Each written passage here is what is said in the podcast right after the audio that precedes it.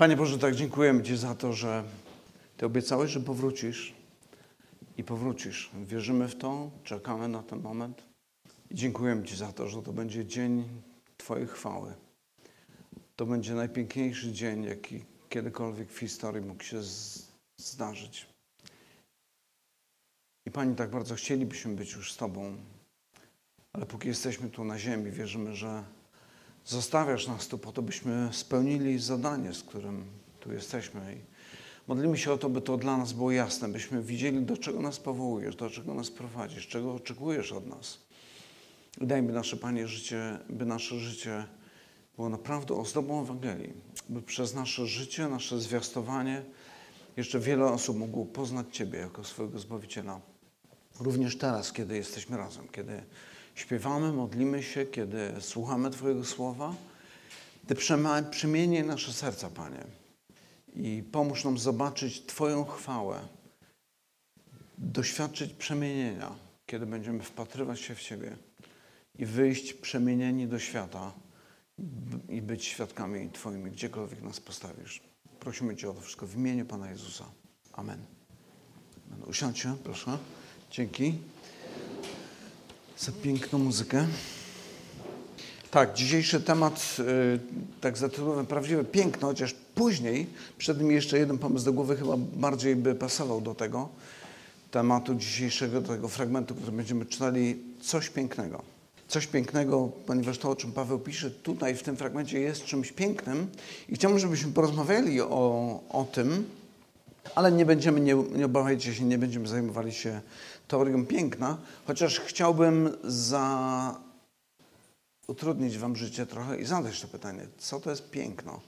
Próbowaliście kiedyś zdefiniować, co to jest piękno, przy czym tutaj jeszcze dodam, że piękne i ładne to nie to samo. Dla ułatwienia można by zadać jeszcze inne pytanie, czy idea piękna podobna jest do matematyki. W tym sensie, że nawet jeżeli ktoś nie wie, na czym polega dodawanie i mnożenie, to jednak zasada dodawania i mnożenia istnieje i jest taka sama dla wszystkich. Czy z pięknem jest tak samo, czy jakoś inaczej? No ale to taki temat, który e, no, nie będziemy go zgłębiać tutaj, ale Paweł mówi w tym naszym fragmencie o pewnej służbie, nawet bym powiedział o pewnym wydarzeniu w Kościele, które jest piękne i wrócimy do tej idei, o której Paweł tutaj w tym pierwszym zdaniu mówi e, za chwilę, ale najpierw chciałbym, żebyśmy przyjrzeli się e, temu, z czym mamy do czynienia. Kilka zdań takiego bardzo ogólnego wprowadzenia. E, mamy do czynienia z listem skierowanym do Tymoteusza, który jest w Efesie. Jak patrzymy na mapę, zachodnia część Turcji współczesnej.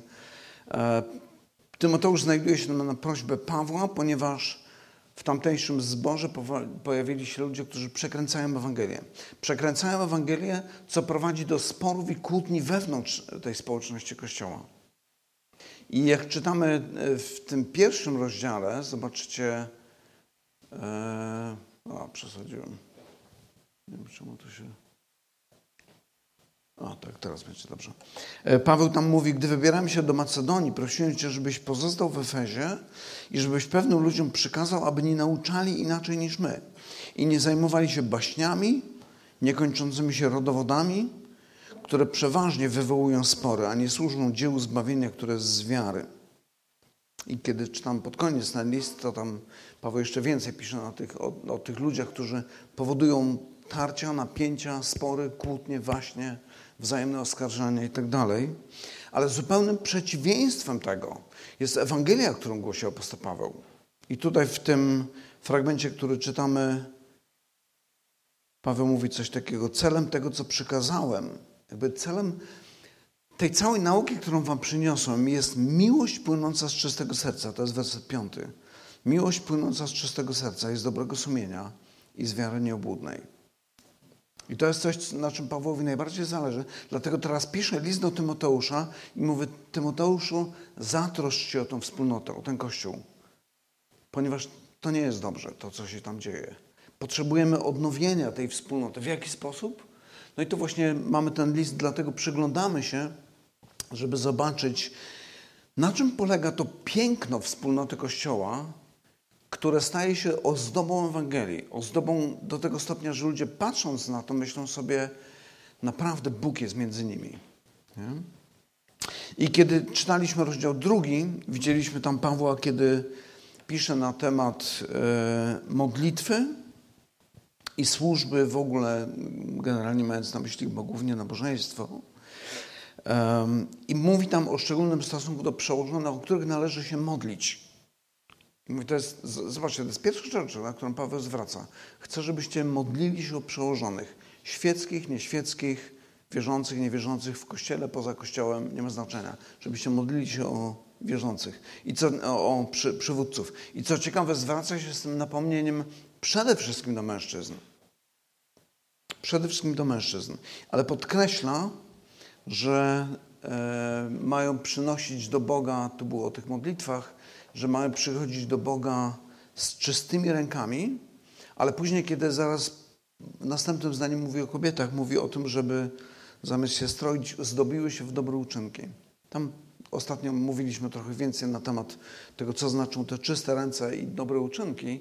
I myślę, że to jest coś, co sprawia, że społeczność Kościoła staje się piękna, bez której, nawet słyszałem kiedyś takie świadectwo, jakiś człowiek z administracji lokalnej dzielnicy, danej dzielnicy mówi, gdyby nie oni, musielibyśmy bardzo podnieść e, pieniądze w naszym budżecie, znaleźć więcej pieniędzy i tak obawiam się, że nie zrobilibyśmy tego, co oni robią. Ponieważ prawdziwy Kościół, Kościół, który jest ozdobą Ewangelii, taki właśnie jest. Jest błogosławieństwem dla swoich sąsiadów, znajomych, bliskich, ludzi, którzy mieszkają wokoło. I to było takie ogólne wprowadzenie do tego, jaki Kościół powinien być. Kościół, który właśnie pielęgnuje tą wzajemność, miłość płynącą z czystego serca, dobrego sumienia i wiary nieobłudnej. I teraz mówi coś więcej. Teraz przechodzimy do tego trzeciego rozdziału. Już staje się coraz bardziej szczegółowy. I tak już rozdział po rozdziale Paweł będzie dużo bardziej precyzyjnie określał, jak Kościół może stać się czymś pięknym. I nawet tutaj w tym pierwszym wersecie widzimy właśnie to zdanie. Prawdziwa to mowa, kto o biskupstwo się ubiega, pięknej pracy pragnie. Tu mamy słowo biskup albo biskupstwo nawet w tym polskim przekładzie. Greckie słowo episkopoi, czyli biskupi, znaczy jest tłumaczone na język polski jako biskupi. W rzeczywistości nie kojarzcie tego proszę z współczesnymi biskupami. To zupełnie inna bajka, inne światy, inna kultura, inne czasy. Nie ma tutaj czego porównywać zupełnie. E, episkop, czyli jako czasownik, jeżeli przerobimy to słowo na czasownik, oznacza po prostu patrzeć z góry na coś. Epi, czyli z góry i skopo, no to patrzeć na coś. Czyli można powiedzieć, że episkopos, człowiek, który zajmuje taki urząd, to człowiek, który nadzoruje albo dogląda. Lepiej było powiedzieć nadgląda, ale jeszcze nie ma takiego słowa w języku polskim. Może. No już jest teraz. Właśnie stworzyliśmy. Co ciekawe, kiedy Paweł pisze list do Tytusa, innego swojego, też młodego współpracownika, yy, który jest na Krecie, mówi do niego takie słowa, pozostawiłem, jest identyczna sytuacja. Tutaj pozostawia Paweł Tymoteusza w Efezie, do Tytusa mówi, pozostawiłem cię na Krecie w tym celu, abyś uporządkował, co pozostało do zrobienia i ustanowił po miastach starszych, jak ci nakazałem, takich, którzy są, i tu wymienia całą listę cech. Biskup bowiem jako włodarz Boży powinien być taki i taki. Czyli nakazuje ci ustanowić starszych, którzy będą tacy, bo biskup ma być, ma być właśnie taki. Nie? Czyli używa zamiennie tego słowa, słowo biskup i starszy i samo w sobie już to jest ciekawe. Znaczy one oczywiście opisują tę samą osobę, czy ten sam urząd, moglibyśmy powiedzieć. Um, ale tak jak powiedziałem, proszę nie kojarzyć współczesnego biskupa z tym, o czym apostoł Paweł tutaj pisze. Dlaczego mamy dwa różne słowa w języku greckim na opisanie tego e, samego sformułowania? Zasadniczo jest to dosyć proste. To pierwsze słowo, właściwie drugie powinien powiedzieć, czyli presbiteroi, to oznacza po prostu starszych. Kogoś, kto jest starszy wiekiem. Jeżeli pamiętacie historię o synu marnotrawnym, tam jest młodszy brat i starszy brat. I ten starszy brat dosłownie po grecku jest określany presbiteros.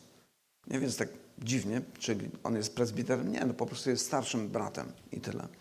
E, I to słowo pochodzi ze środowiska żydowskiego. Już w Starym Testamencie za chwilkę tam zobacz, spojrzymy na jedną historię. To słowo było używane w języku hebrajskim, ono brzmi zaken i dosłownie oznacza brodę. Więc to już pokazuje jak no, minimum kwalifikacji. Trzeba mieć brodę, żeby być starszym w Izraelu. Nie? Więc pewnie dlatego oni tak chętnie od małego zapuszczali te brody, żeby być poważnie traktowani. No bo co to za poważny człowiek, który brody nie ma. Nie? Ale to kiedyś tak było, nie przejmujcie się ci, którzy się golą. Chociaż ktoś zwraca uwagę, że w psalmie, którym jest napisane, że Pan nie ma upodobania w goleniach męża. Ale inni mówią, że to nie o takie golenia chodziło. I zasadniczo to określenie starsi oznacza kwalifikację i doświadczenie, po prostu doświadczenie tej osoby.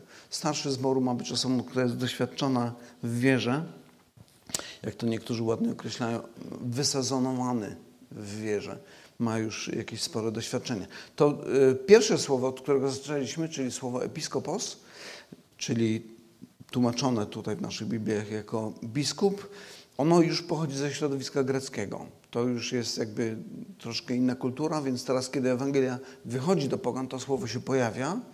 E, no i tak jak mówiliśmy, ono oznaczało nadzorowanie czegoś też czasami jest tłumaczone jako stróż. Ktoś, kto pilnuje czegoś tam. Miasta na przykład, stróże e, po miastach chodzili, pilnowali w nocy porządku, no to byli właśnie episkopoi też.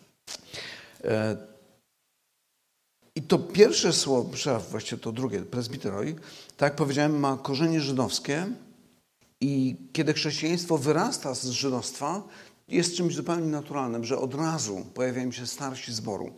Albo, jak już pojawia się ta druga nazwa, episkopos, episkopoi, czyli, e, czyli ci biskupi.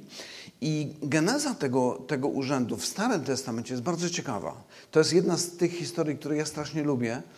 E, nie pamiętam, czy wam opowiadałem kiedyś, jak byłem nastolatkiem, uwielbiałem czytać Szekspira, bo tam zawsze pojawiał się jakiś mędrzec. Był jakiś problem i nagle pojawia się jakiś pustelnik, jakiś mędrzec, który znajduje rozwiązanie. Czasami to było jakieś zioło, czasem to było jakieś mądre słowo, coś tam. I ta historia też jest taka, ta w Starym Testamencie. To jest historia, która ma miejsce dawno, dawno temu, kiedy Izraelici już wychodzą z Egiptu i są... E, już dotarli do ziemi Midianitów. To kółeczko, które tam jest po prawej stronie narysowane, więc tak ogólnie pewnie ogarniacie tą geografię. E, to są tereny, gdzie Mojżesz uciekał przed faraonem na początku, kiedy zabił tego Egipcjanina i uciekał, schronił się w ziemi Midianitów i tam znalazł żonę, Sypora, to była jego pierwsza żona. E, I teraz, kiedy już wyszli z Egiptu, znowu znajdują się na tym terenie gdzieś tam w okolicy, znaczy na terenie Midianitów, chociaż to były ludy koczownicze, no, tam się przesuwały cały czas. Ale kiedy już Mojżesz z całym ludem tam jest, Jetro, jego teść, dowiaduje się, że oni tam się znaleźli. I ponieważ no, to pewnie było stosunkowo niedaleko, wybiera się do niego, żeby z nim porozmawiać, plus tam jeszcze parę innych rzeczy miał do załatwienia. Ale kiedy przychodzi go, do niego odwiedzić go, tam mamy opis całej tej historii, w 18 rozdziale Genezis, co się nie przesuwa, e, tak. Wtedy Mojżesz wyszedł na spotkanie swego teścia, bo już się dowiedział, że teściu przychodzi, pokłonił się, ucałował go i wypytał jeden drugiego o powodzenie. Po czym wyszli do domu. Te stosunki z nimi były najwyraźniej takie bardzo serdeczne. Mojżesz opowiedział swemu teściowi wszystko, co uczynił Pan Faraonowi i Egipcjanom przez wzgląd na Izraela, o wszystkich trudach, jakie ich spotkały w drodze i jak ich Pan wyratował. Jetro cieszył się ze wszystkiego dobrego, jakie Pan wyświadczył Izraelowi i że go wyratował z ręki Egipcjan. To jest o tyle ciekawe, że Jetro jest kapłanem midianickim. Ale ci Midianici najwyraźniej to był zupełnie inny lud niż ci w Kanaanie tam, gdzie później mamy tą, na tej mapie, na, na, bardziej troszkę na północ, gdzie Izraelici później się osiedlają. Ludzie po prostu okrutni, źli, e, czego takim szczytowym ich osiągnięciem było składanie własnych niemowląt w ofierze. To, to był po prostu już szczyt tego. E, Midianici tacy nie byli, Jetro taki nie był. I teraz Jetro, dalej mamy tą rozmowę. I rzekł Jetro, błogosławiony Pan, który wyratował was z ręki Egipcjan i z ręki Faraona. Teraz wiem, że Pan jest większy niż wszyscy bogowie, bo dlatego wyratował lud z niewoli Egipcjan, że ci zuchwale z nimi postępowali. Potem Jetro, teść Mojżesza, złożył Bogu całopalenie i ofiary rzeźne. Przyszedł też Aaron i wszyscy starsi Izraela, aby wraz z teściem Mojżesza spożyć chleb przed Bogiem. Więc mam bardzo ciekawą sytuację. Człowiek, który jest kapłanem jakichś tam innych bogów, poznaje tego Boga Izraelitów, Boga, w którego wierzy Mojżesz, Boga, który wyprowadza Izraelitów e, z ziemi egipskiej, niewolników, pokonuje przy tym całą armię Faraona i jest po prostu zachwycony tym. Ale to nie o to chodziło. Teraz mamy tą właściwą rozmowę. Nazajutrz, aha, to muszę zrobić tak. Nazajutrz zasiadł Mojżesz, aby sądzić lud. Lud zaś stał przed Panem, przed Mojżeszem od rana do wieczora. A gdy teść Mojżesza zobaczył wszystko, co on czyni dla ludu, rzekł, czemu ty sam czynisz to dla ludu? Dlaczego ty sam musisz tu siedzieć, a cały lud staje przed, to, stoi, staje przed tobą od rana do wieczora? Wtedy Mojżesz odpowiedział teściowi, ponieważ lud przychodzi do mnie, aby się radzić Boga. Gdy ma jakąś sprawę, przychodzą do mnie, a ja jestem rozjemcą między jednym a drugim i oznajmiam przepisy i prawa Boże. Na to, że ktoś Mojżesza do niego, niedobra to rzecz, którą czynisz. Męczysz się zarówno ty, jak i ten lud, który jest z tobą, bo sprawa ta jest za trudna dla ciebie, nie podołasz jej sam, przeto słuchaj teraz głosu mego. Udzielę ci radę, a niech Bóg będzie z tobą. Ty sam stawaj przed Bogiem za lud i ty sam przedkładaj te sprawy Bogu. Wdrażaj ich w przepisy i prawa, wskazuj im drogę, po której mają chodzić i czyny, które mają spełniać, ale ty upatrz sobie z całego ludu mężów dzielnych, bogobojnych, mężów godnych zaufania, nieprzekupnych i tych ustanów nad nimi jako przełożonych nad tysiącem, albo nad setką, albo nad pięćdziesiątką, albo nad dziesiątką. W hebrajskim tekście nie ma tego słowa albo, bo to tak dwuznacznie może brzmieć, tak tylko mówię.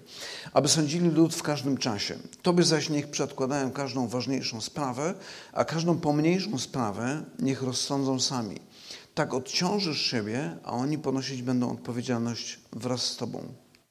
Jeżeli to uczynisz, to podołasz temu, co Bóg Ci nakazuje, a również cały ten lud wróci w spokoju do swego miejsca.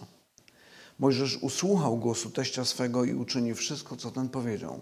Mojżesz wybrał mężów dzielnych z całego Izraela, ustanowił ich naczelnikami nad ludem, przełożonymi nad tysiącem, przełożonymi nad setką, przełożonymi nad pięćdziesiątką i przełożonymi nad dziesiątką i sądził lud w każdym czasie tylko sprawy trudniejsze. Sądzili lud w każdym czasie, tylko sprawę trudniejszą przedkładali Mojżeszowi, a każdą sprawę mniejszą rozsądzali sami. Więc mamy sytuację, kiedy pojawia się właśnie ten pogański, wcześniej, bo chyba się nawraca, może tak to wygląda, e, kapłan i mówi Mojżeszu, dam ci dobrą radę zrobić to dużo lepiej. I co ciekawe, od tego momentu w Izraelu pojawiają się starsi. Starsi, którzy no właśnie w taki ciekawy sposób, zauważcie, są jakby ogarniają cały ten naród, który już wtedy ma kilka milionów ludzi, od najniższego poziomu, czyli dziesiątki, pięćdziesiątki, setki, tysiące. I to jest, myślę sobie, że bardzo, bardzo ciekawe. Oni mieli uczyć ludzi, jak stosować prawo w danej sytuacji, w której się ktoś tam znalazł. Bo to zwykle tak jest, że są przepisy prawa, a potem jak już jest jakiś case trudny, to nie wiadomo czasami co zrobić. Wtedy przychodzili do sędziego, sędzia, jak była sprawa prosta, no to ten od dziesiątki powiedzmy rozwiązywał problem, jak nie, nie radził sobie, no to ten pięćdziesiątki, setki, tysiąca albo sprawa, sprawa jak była bardzo trudna i dwuznaczna, to trafiała do Mojżesza. Um, I myślę sobie, że sam fakt, że oni byli podzieleni właśnie na takie grupy, to jakby to powoduje, że ten ogromny naród jakby związuje się ze sobą. Oni stają się czymś w rodzaju jednej wspólnoty, właśnie dzięki temu, że mają ludzi na takim no, niskim poziomie, bym powiedział, w sensie takim, że każdy ma swojego duchowego opiekuna, można by dzisiaj tak powiedzieć, sędziego, który zajmuje się danymi sprawami. Jakie to ma znaczenie dzisiaj dla nas?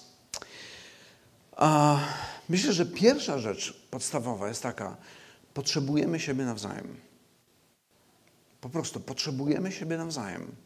Potrzebujemy jeden drugiego, potrzebujemy ludzi, którzy będą w naszym życiu obecni. Tak samo jak rodzice są potrzebni w życiu dzieci, tak samo w życiu dorosłych jest potrzebny ktoś, kto, kto będzie potrafił być na tyle blisko z nimi, żeby rozumieć ich problem, ale na tyle daleko, żeby spojrzeć z pewnego dystansu na sprawę, w której się znalazł, w której jest uwikłany i potrzebuje porady.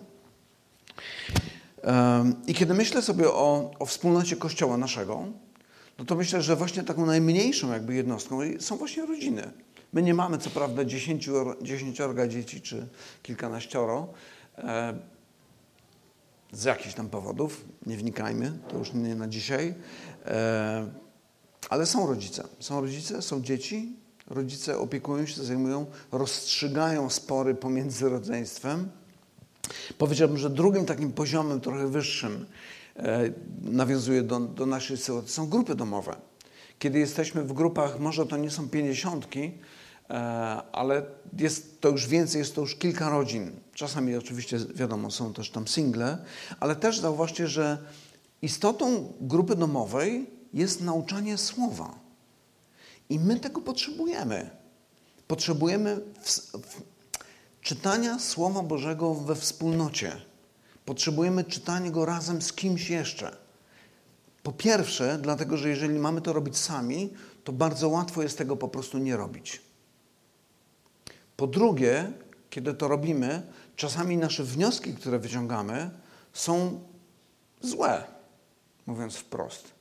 I potrzebujemy siebie nawzajem, by korygować nasz sposób patrzenia. I czasami tak jest, ojejku, ile razy już tego doświadczałem. Ktoś na grówie wyskakuje z jakimś poglądem i nawet ja sam nie musiałem brać w tym udziału. Ktoś inny mówi, ale zobacz, w innym fragmencie jest napisane coś takiego. Albo sytuacja opisana w tej, w tej księdze jakby przeczy twojemu wnioskowi. Jakby zły wniosek wyciągnąłeś. I korygujemy się w ten sposób. Powiedziałbym tak, że... E, jeżeli człowiek nie jest we wspólnocie Kościoła, to dziczeje. Po prostu dziczeje. Najgorzej, jeżeli wydaje mu się, kiedy powie, ja mam wszystkie najlepsze kazania na YouTubie i se posłucham wszystkiego, co będę chciał. Każdy temat, jaki będzie mi potrzebny, znajdę. To nie jest wspólnota. To po prostu nie jest wspólnota. To po prostu nie jest Kościół. My potrzebujemy siebie na żywo. Jedną z takich rzeczy z Filipem, pamiętam, kiedyś rozmawialiśmy o, właśnie o tych y, kursie dogmatyki, czyli teologii systematycznej, czy tych najważniejszych tematów biblijnych. Jeden z pomysłów był taki, żeby zrobić to online. Czyli na Zoomie spotykamy się i Filip teraz wtedy wspomniał czasy, y, kiedy jako student jeszcze był w seminarium i mówi, no właśnie, ale wtedy nie ma tego elementu, którego on doświadczał będąc studentem, że po zajęciach, gdzie był poruszany jakiś mniej lub bardziej skomplikowany temat, studenci szli do kuchni, siadali i dalej dyskutowali jeszcze o tym. Nie? My po prostu potrzebujemy siebie nawzajem. To, że ktoś nam coś wyłoży, a my potem do, będziemy wyciągali swoje własne wnioski, no niestety nie oznacza, że te wnioski będą właściwe. I dlatego potrzebujemy się ścierać ze sobą przez cały czas. Co oczywiście nie jest łatwe. Ścieranie się dla nikogo nie jest przyjemne, ale zobaczcie, dokładnie tak samo jest w małżeństwie. Ludzie, którzy uciekają od małżeństwa, myślę, że niektórzy z nich boją się tego, że ktoś będzie się ścierał z nimi. I co więcej, to nie będzie kumpel, od którego mogę się odwrócić i powiedzieć sobie, dobra, z nim się nie kumpluję, kumpluję się z kimś innym, bo to jest mąż czy to jest żona i po prostu nie mogę uciec. I się szkolimy i Salomon mówi, żelazo ostrze się żelazem, a charakter człowieka wygładza człowiek. Jeżeli chcesz być takim sopkiem, człowiekiem, który myśli tylko o sobie, albo uważasz, że wszystko z nim jest doskonale, no to życie w izolacji spełni ten cel. Ale jeżeli chcesz się rozwijać, jeżeli chcesz dojrzewać, chcesz dorastać, potrzebujesz innych. Potrzebujesz usłyszeć kogoś, kto ci powie: Nie masz racji. Potrzebujesz kogoś, kto ci powie: Tak, to zrobiłeś dobrze. Nie poddawaj się, rób dalej. I tak dalej, i tak dalej. rodziny, grupy domowe, takim jeszcze większym kręgiem, no to są środowiska, tak jak na przykład teraz ta społeczność, kiedy no zwykle jest tak, że tego rodzaju grupy mają na czele swoich pastorów. Jeżeli zbór jest dużo większy, no to tych pastorów bywa więcej. Nie? Trochę jak ta rada, którą Mojżesz usłyszał od Jetra.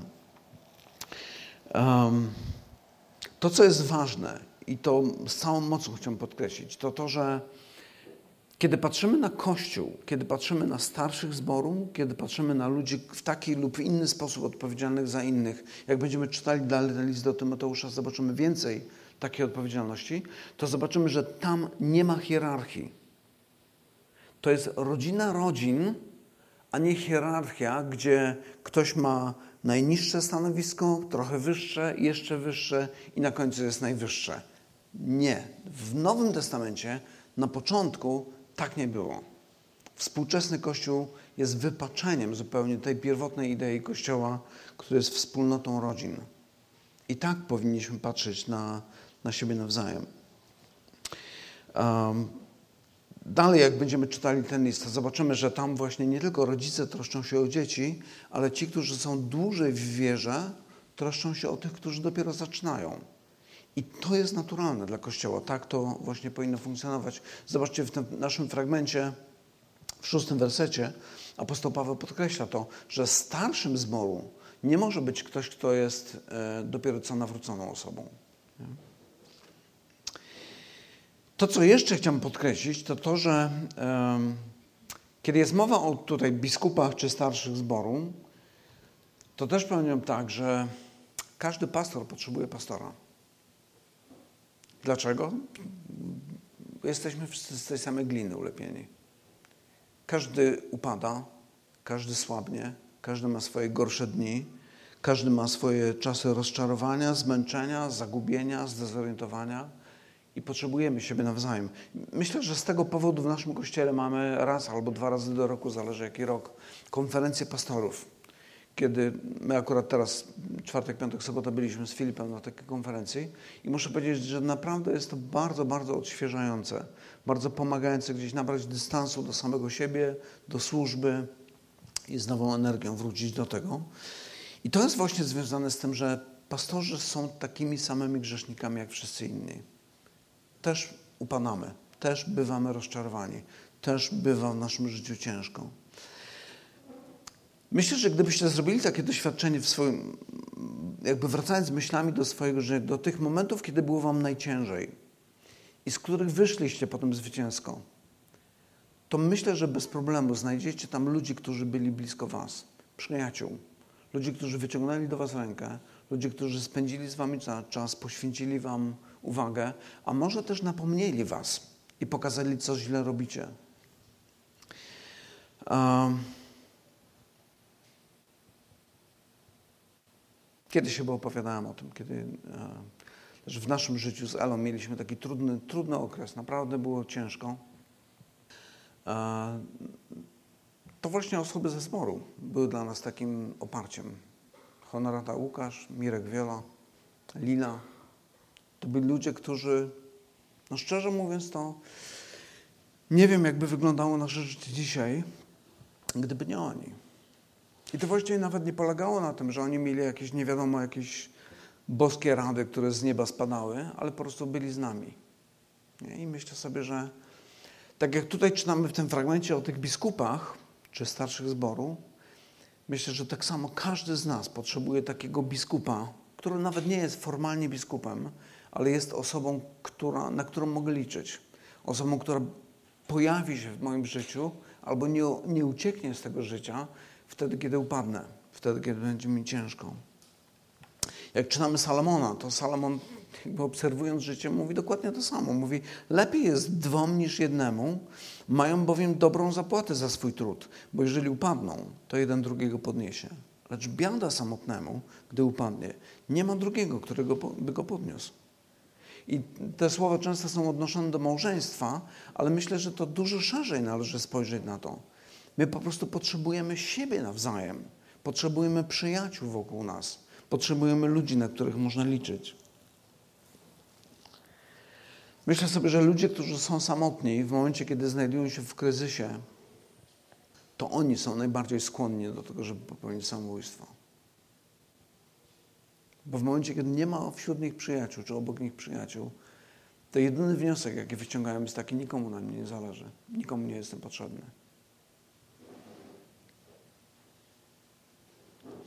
I ten element wzajemnego pouczania, napominania, ale też zachęcania i pocieszania jest czymś szalenie istotnym w Kościele.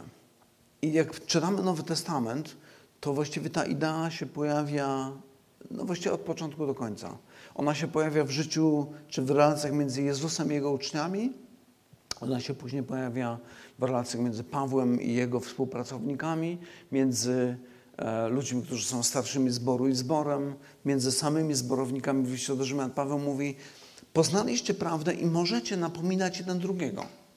Możecie, ponieważ wszystko, co jest wam potrzebne, macie w ręku. Jakby nauczcie się Chrystusa, żeby być dla siebie nawzajem Chrystusami, żeby wspierać siebie nawzajem. Ale coś takiego wymaga odwagi. Odwagi w tym sensie, że to wymaga otwartości. Otwarcia się na drugą osobę albo drugie małżeństwo, e, otworzenia przed nim swojego domu, może dosłownie, też serca, powiedzenia o swoich słabościach, może o swoich upadkach. Dopiero wtedy następuje uzdrowienie. Dopiero wtedy pojawia się możliwość wyjścia z tego. Dopiero wtedy jest możliwość doświadczenia właśnie tego piękna wspólnoty Kościoła. I powiedziałbym nawet tak jeszcze, że myślę, że wszyscy mamy taką tendencję myślenia o sobie, ja się nie nadaję. Ja nie jestem wystarczająco dobry, żeby dla kogoś być jakimś wsparciem. Nie jestem wystarczająco poprawnym chrześcijaninem, albo wprost jestem zły. Nikt nie będzie chciał utrzymywać ze mną bliższych kontaktów. Ale myślę, że w momencie, kiedy my otwieramy się i zaczynamy mówić o swoich słabościach, upadkach, oczywiście nie chodzi o ekshibicjonizm, jakieś tam mówienie o tym wszystkim, ale wybranym osobom, do których mam zaufanie. Wtedy rodzi się wzajemne zaufanie z tej drugiej strony. Zaczynamy rozmawiać ze sobą, zaczynamy ufać sobie i stajemy się dla siebie błogosławieństwem. W liście do Tesaloniczan apostoł Paweł, i tu chcę Wam zwrócić uwagę tylko na jeden fragment z jednego z listów Tesaloniczan, mówi tak, tam przedstawia całą sytuację Kościoła, który jakby żyje, jest światłością, która świeci w ciemności. I Paweł mówi do nich tak, dlatego napominajcie się nawzajem i budujcie jeden drugiego, co też czynicie. A prosimy Was, bracia, abyście darzyli uznaniem tych, którzy pracują wśród Was, są przełożonymi Waszymi i napominają Was. Znowu mówię o napominaniu. Szanujcie ich i miłujcie jak najgoręcej dla ich pracy. Zachowujcie pokój między sobą. Wzywam Was też, bracia, napominajcie niesfornych, pocieszajcie bojaźliwych, podtrzymujcie słabych, bądźcie wielkoduszni wobec wszystkich, baczcie, ażeby nikt nikomu złem za złe nie oddawał, ale starajcie się czynić dobrze sobie nawzajem i wszystkim. Kilka razy mówi, napominajcie się nawzajem. Szanujcie tych, którzy was napominają. Potrzebujemy tego. I zobaczcie, na koniec w tym wersecie 25 jeszcze Paweł dodaje, przepraszam, Piotr dodaje, mówi, bracia, nie, Paweł, e, mówi, bracia, módlcie się za nas. Apostoł mówi, módlcie się za nas. Potrzebujemy waszych modlitw. To jest jakby przykład tego, o czym mówię na początku listu do Tymoteusza. Módlcie się za wszystkich przełożonych bo oni też upadają, oni też potrzebują pomocy. I jak czytam ten fragment z Tesaloniczan, to tak myślę sobie, atmosfera tego, tego, o czym pisze Paweł, jakby jest dokładnym odbiciem tego, o czym pisał na początku. Celem tego, co przykazałem, jest miłość płynąca z czystego serca i wiary nieobudnej. Kościół, który żyje w taki sposób, chce czy nie chce, jest ozdobą Ewangelii. Jest wspólnotą, na którą ludzie patrząc z zewnątrz mówią, Naprawdę Bóg jest między nimi. Naprawdę. Czegoś takiego nie doświadczyłem nigdzie w świecie. I jak czytam ten fragment z tego listu Tesaloniczan, myślę sobie, że naprawdę jakby czuję tą taką autentyczność w tych słowach Pawła, taką prawdziwą szczerość i wzajemną miłość. Miłość, która pochodzi z czystego serca, tak czytaliśmy. I kiedy wracamy znowu do tego naszego listu do Tymoteusza,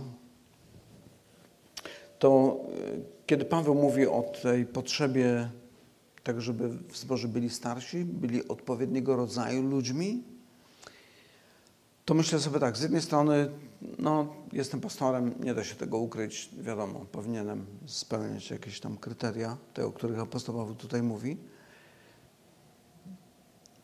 Potrzebuję też kogoś, przed kim mogę być wzajemnie odpowiedzialny i, i są takie osoby w moim życiu, o którym, którym mogę powiedzieć więcej niż innym. Um, ale to nie są słowa, które dotyczą tylko starszych zboru. Starsi zboru mają być wzorem dla społeczności Kościoła. To apostoł Piotr pisze tak wprost w swoim liście. I potrzebujemy de facto, każdy z nas potrzebuje takiego starszego brata czy starszej siostry, która będzie spełniała takie cechy. Tu jest akurat o mężczyznach, tam kawałeczek dalej za chwilę będzie przy następnej okazji powiemy o kobietach. Więc tak naprawdę każdy z nas powinien wziąć sobie do serca to, o czym tutaj czytamy. Chociaż no wiadomo, że jakby starsi zboru mają tą, tą dodatkową jakby odpowiedzialność nadzorowania nauczania też w Kościele. Ale kiedy patrzę na ten tekst osobiście, to pomyślałem sobie, że, że nie nadaje się na pastora. Myślę sobie, nie, nie dostaję tutaj. Kiedy patrzę na to, jak Paweł pisze, biskup ma być nienaganny, to myślę sobie, czy ja jestem nienaganny? Może jakby moja żona wam coś opowiedziała o mnie, to byście uznali, nie, nie jesteś nienaganny. Myślę, że wiele mi brakuje. I czasami czuję się jak Piotr, który mówi do Jezusa, odejdź Panie ode mnie, bo jestem człowiekiem grzesznym. Ale dobrze, że chociaż mam jedną żonę, to przynajmniej jeden warunek tutaj łatwo jest spełnić. Dalej pisze w trzecim wersecie, nie oddający się pijaństwu.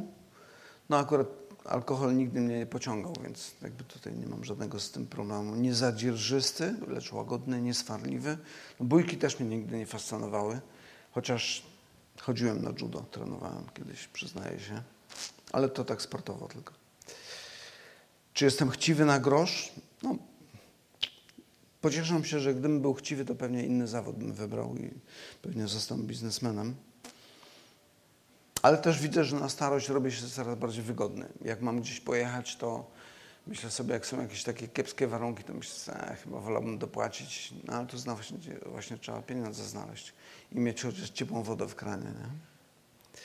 No ale to właśnie trzeba zapłacić. Który by dobrze własnym domem zarządzał, dzieci trzymał w posłuszeństwie i wszelkiej uczciwości. No to jest chyba moja słabość i też myślę, że słabość wielu pastorów w tym sensie, że chyba powiedziałbym tak, że za mało czasu poświęcałem swojej rodzinie. Myślę sobie, że sprawy zboru, zawodowe sprawy zawsze bardzo mnie pochłaniały i czasem myślę sobie, może powinienem więcej czasu poświęcać dzieciom, żonie. Ale rodzina jest dla mnie czymś ważnym.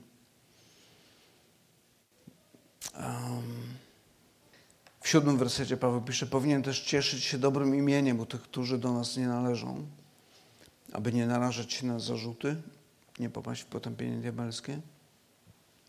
Mam nadzieję, że tak nie jest, że e, no, nie przynoszę wstydu ani Bożemu Słowu, Ewangelii, Kościołowi, ale powiem, że to jest walka. Wszystkie te rzeczy, o których Paweł pisze. To jest po prostu walka cały czas. I co więcej, myślę, że wszyscy tak mamy. Że dbanie o to, żeby trzymać pewien standard, jest walką. Same, zobaczcie, jeżeli ktoś z Was ma ogródek, albo nawet doniczkę, jak macie, same to rosną chwasty. Żeby coś naprawdę wyrosło pożytecznego, to trzeba się napracować nad tym. Trzeba pielić ten ogród, podlewać, nawozić, cokolwiek tam jeszcze. I na koniec to, na co chciałbym zwrócić uwagę, to to, od czego zaczęliśmy. Kiedy, kiedy patrzę sobie na to, co, o czym pisze Paweł, kiedy mówi, kto o biskupstwo się ubiega, pięknej pracy pragnie, myślę, że Kościół, który chce żyć w taki sposób, naprawdę jest piękny. Ludzie, którzy chcą walczyć o Kościół takiej jakości, chcą pięknej pracy. I nie trzeba mieć urzędu biskupa, jakkolwiek to sobie wyobrażać, żeby to robić. Ale można prowadzić piękne życie, które będzie ozdobą Ewangelii.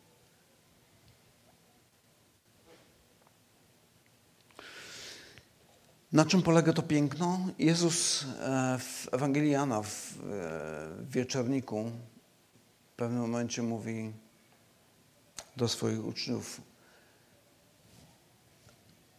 Takie jest przykazanie moje, abyście się wzajemnie miłowali, jak ja was umiłowałem. Większej miłości nikt nie ma nad to, jak gdy ktoś życie swoje kładzie za przyjaciół swoich. I kiedy patrzymy na jego życie, widzimy, że kilka, kilkanaście godzin później on oddaje swoje życie za swoich przyjaciół. Naprawdę umiera za nich.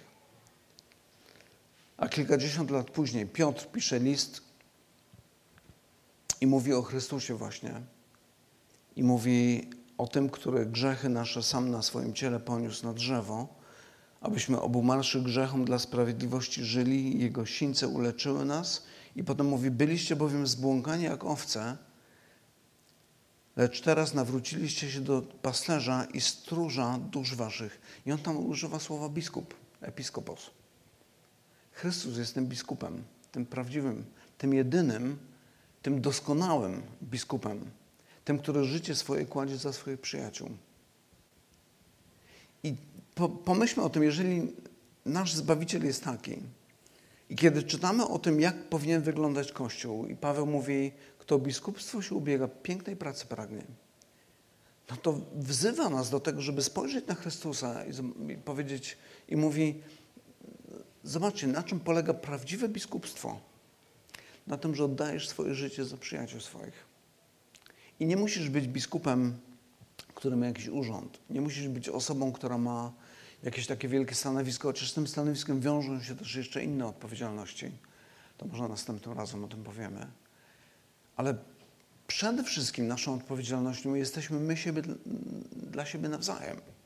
Troska o siebie, wyciąganie do ręki do słabszych, tych, którzy potrzebują pomocy. Tak czytaliśmy w tym liście do Saloniczana. Patrząc cały czas na tego, który jest tym najlepszym biskupem, tym jedynym tak naprawdę tym jedynym, który zrobił, tak jak czytaliśmy, który złożył swoje życie w ofierze za nasze grzechy. Tyle, jeśli chodzi o ten fragment. Dzisiaj jest pierwsza niedziela miesiąca, zawsze mamy e, to wspomnienie śmierci Chrystusa. Mamy Wieczerzę Pańską. No, no właśnie dlatego to robimy. Ponieważ nasz biskup, nasz starszy brat, złożył swoje życie w ofierze za nasze grzechy. Żebyśmy mogli być wolni, żebyśmy mogli być czyści, żebyśmy mieli przystęp do Boga. I kiedy wspominamy Jego śmierć, opowiadamy o tym, co On uczynił, robimy to w takiej symbolicznej postaci. Bierzemy chleb i wino i bierzemy chociaż kawałeczek tego na pamiątkę tego wszystkiego, co On zrobił dla nas. Przeczytam fragment, który zawsze czytamy przy tej okazji z listu do Koryntian. Paweł tam mówi takie słowa, albowiem ja przejąłem od Pana to, co wam przekazałem, że Pan Jezus tej nocy, której był wydany, wziął chleb, a podziękowawszy złamał i rzekł, bierzcie, jedzcie, to jest ciało moje za was wydane, to czyńcie na pamiątkę moją to czyńcie na pamiątkę moją. Podobnie kielich po wieczerzy, mówiąc, ten kielich to nowe przymierze we krwi mojej, to czyńcie, ilekroć pić będziecie na pamiątkę moją. Albowiem ilekroć ten chleb a z kielicha tego pijecie, śmierć pańską zwiastujecie, aż przyjdzie. Kiedy mamy ten moment, kiedy wspominamy właśnie śmierć pańską, jakby znowu mówimy, to jest nasz Zbawiciel. Taki jest nasz Bóg taki, jak zobaczyliśmy Go w Chrystusie.